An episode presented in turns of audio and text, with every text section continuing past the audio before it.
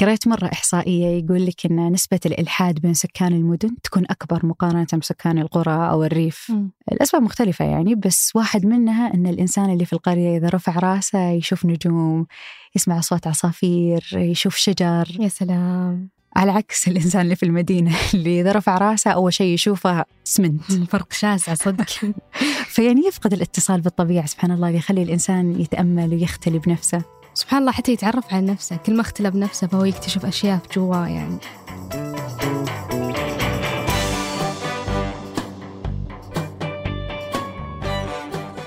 هذا بودكاست الفجر من ثمانية. بودكاست فجر كل يوم نسرد لكم فيه سياق الأخبار اللي تهمكم.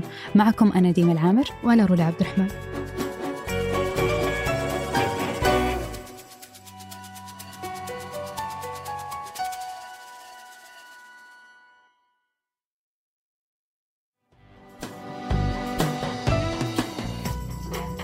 قبل 72 سنة كانت أول خطوة لإنشاء سكة حديدية في السعودية. وهذا لما قدمت شركة أرامكو مقترح لبناء ميناء تجاري يستقبل السفن الضخمة واللي تنقل مستلزمات صناعة النفط ومعداتها. وبنفس الوقت يكون معه خط سكة حديد تنطلق من الدمام للرياض. وقتها عرضت الفكرة على الملك عبد العزيز الله يرحمه وأمر بتنفيذ المشروع. وبالفعل بعد أربع سنوات اكتمل المشروع وتم افتتاحه سنة 1951 ميلادي. في البداية كانت السكة الحديدية تشتغل تحت إشراف شركة أرامكو وبعدها ارتبطت بوزارة المالية لحد ما صدر مرسوم ملكي بتحويلها لمؤسسة باسم المؤسسة العامة للخطوط الحديدية ويتولى إدارتها ورسم سياستها مجلس إدارة خاص فيها. ومع الوقت بدأ يزيد الاعتماد على ميناء الملك عبد العزيز في استيراد البضائع واللي جزء كبير منه كان يخص موردين من الرياض فبالتالي صار في ضغط كبير على طريق السفر بين المدينتين. فقررت وقتها المؤسسة أنها تنشأ ميناء جاف بالرياض بحيث تصير تنقل البضائع من ميناء الدمام لميناء الرياض من خلال القطار مباشرة بالفعل هذا اللي صار. وحتى يومنا هذا ما زالت السكة الحديدية لها أهميتها وأثرها الكبير على اقتصاد المملكة وعلى حياة سكانها بعد. فوجود قطار يربط الرياض بالمنطقة الشرقية سهل عليهم التنقل بشكل كبير جدا وأتاح لهم فرص دراسية وعملية كثيرة. الاهتمام بإنشاء السكك الحديدية وتوسيع نقاطها هو أمر تتشارك فيه كل دول العالم لأن السكك هذه بوابة واسعة على العالم تحقق للدول إنجازات سياسية واقتصادية وحتى اجتماعية خصوصا إذا كانت تربط الدولة بدول أخرى قريبة أو بعيدة عنها. آه مثل المشروع اللي نشر عنه موقع إكسس الإخباري هذا الأسبوع واللي تشارك فيه السعودية وأمريكا والإمارات والهند. وهو مشروع بنية تحتية مشترك يربط دول الخليج والدول العربية مع الهند. من خلال شبكة سكك حديدية عبر ممرات الشحن في الموانئ. وذكر موقع أكسيوس أن هذا المشروع كان من أبرز المواضيع اللي تناولتها زيارة مستشار الأمن الأمريكي جيك سوليفان للسعودية في بداية هذا الأسبوع. وذكر المستشار جيك سوليفان في تصريحاته عن اجتماع عقد مع ولي العهد السعودي ومستشار الأمن الإماراتي ومستشار الأمن الهندي. وناقشوا المشروع ورؤيتهم المشتركة فيه لمنطقة شرق أوسطية أكثر ازدهار وترابط مع الهند والعالم أجمع. وأيضا يعتبر من أهم المشاريع اللي تسعى من خلالها أمريكا لتحجيم نفوذ الصين في الشرق الأوسط خصوصا بعد إطلاق الصين لمبادرة الحزام والطريق ومشاركة عدد كبير من الدول ومنها المملكة واللي تعتبر أضخم مشروع بنية تحتية في التاريخ ويمتد مسارها من آسيا لأفريقيا ويوصل لأوروبا والهدف منه أنه يربط القارات الثلاث من خلال سكك حديدية ومناطق صناعية وينشأ سوق كبيرة وموحدة يشكل الشرق الأوسط منها نسبة كبيرة. تواجد المملكة في مشروع سكة حديد الشرق الأوسط وحتى مبادرة الحزام والطريق هم جزء من مشاريع مشابهة ركزت المملكة على الاستثمار فيهم خلال السنوات الماضية بالتعاون مع دول أخرى. مثل مشروع سكة الحديد الخليجية واللي يجمع دول مجلس التعاون الخليجي في مشروع واحد. وهو سكة حديدية تربط الدول الخليجية ببعض يزيد طولها عن 2000 كيلومتر وتعتبر ثاني أطول سكة حديدية في آسيا. وأنشأت بتكلفة بناء وتجهيز تقدر ب 250 مليار دولار أمريكي. بحيث تكون كل دولة مسؤولة عن بناء وتجهيز جزء السكة اللي يمر في حدودها. بدأ العمل عليها من عدة سنوات وما زالت تحت التنفيذ. بالرغم من أن ما في موعد مؤكد لانتهاء الإنشاء إلا أن مشروع سكة الحديد الخليجية يعد من المشاريع الواعدة بالمنطقة.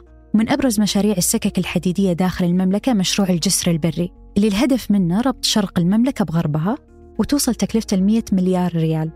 وتصمم المشروع بالتعاون مع شركة صينية وعدد من الشركات العالمية. وحسب تصريح وزير النقل والخدمات اللوجستية فقطاع السكك في المملكة راح يتطور بشكل كبير خلال السنوات الجاية وبيوصل لأكثر من 13 ألف كيلومتر. لأن الاستراتيجية الوطنية في النقل والخدمات اللوجستية بالمملكة تركز بشكل أساسي على القطاع الجوي والسككي وتتجه المملكة لتفعيل تقنية الهايبر لوب من خلال الاستثمار في مشروع هايبر لوب السعودية.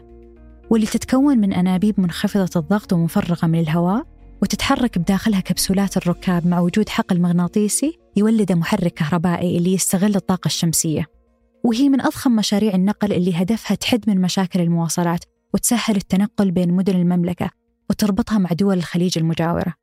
وحسب التفاصيل اللي أعلنت عنها شركة Virgin Hyperloop 1 فهي عقدت شراكة تطويرية مع المملكة عشان يبنون مسار تجريبي للنقل يوصل طوله ل 35 كيلومتر بالإضافة لمنشأة مختصة في البحث والتطوير مع معمل للتصنيع. شمال مدينة جدة. بتكون مسارات وخطوط التنقل تربط بين الرياض والدمام وبين الرياض والقدية وبين جدة ونيوم وبين الرياض وأبو ظبي. مع كل هذه المشاريع اللي ذكرناها ومشاريع كثيرة غيرها نقدر نقول أن المستقبل بيحمل تغيير كبير لمنطقة الشرق الأوسط بيكبر نطاق تواصلها وتجارتها مع مختلف أقطار العالم وبيساهم في انتعاش الخليج العربي أكثر وأكثر. خاصة إذا شهدنا في السنوات القريبة القادمة تطبيق لفكرة إصدار تأشيرة واحدة لدول الخليج. بحيث تكون مثل تأشيرة شنغن للاتحاد الأوروبي ولوجود سكة حديدية خليجية مشتركة بتزيد من سهولة تنقل السائحين بين دول الخليج.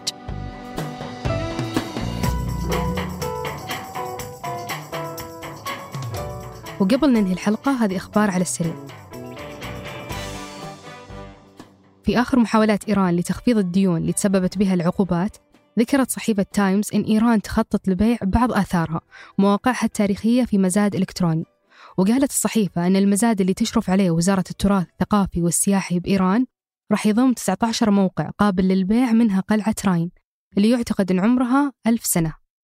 وبالتزامن مع تدهور الأوضاع الاقتصادية أقالت إيران قبل أيام مسؤول في وزارة العمل بعد تصريحات مثيرة للجدل عن إمكانية بيع جزر إيرانية لدفع رواتب المتقاعدين. وبعد أكثر من أسبوع من زيارته للسعودية ذكرت وكالة الأنباء الفرنسية أن ليونيل ميسي راح ينتقل إلى السعودية بعد الاتفاق على صفقة استثنائية وضخمة مع أحد الأندية من دون ما يحدد المصدر هوية النادي. وانتشرت أخبار غير مؤكدة هالأسبوع عن أن ميسي وسيرجيو بوسكيتس راح ينضمون للهلال الموسم المقبل. وذكرت بعض المواقع أن الهلال قدم عرض لميسي قيمته 300 مليون يورو. وفي آخر أخبار الذكاء الاصطناعي أعلن الباحث الأمريكي والخبير التقني بن جورتسل أن الذكاء الاصطناعي ممكن يكون بديل 80% من الوظائف في السنوات الجاية. رغم أن هذا الرقم مخيف للكثيرين إلا أن الباحث يقول أن هالشيء كويس لأنه راح يسمح بتشغيل كل المهام الإدارية بشكل آلي بنفس الوقت راح يسمح للناس بالعمل في وظائف أفضل. ويقول الباحث الأمريكي أن آلات الذكاء الاصطناعي ممكن تصير في المستقبل قادرة على تنفيذ المهام اللي ما هي مبرمجة له وهذا ممكن يحصل بشكل سريع خلال السنوات الجاية.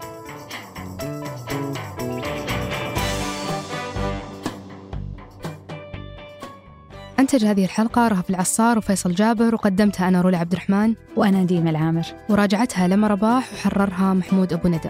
نشوفكم بكرة الفجر.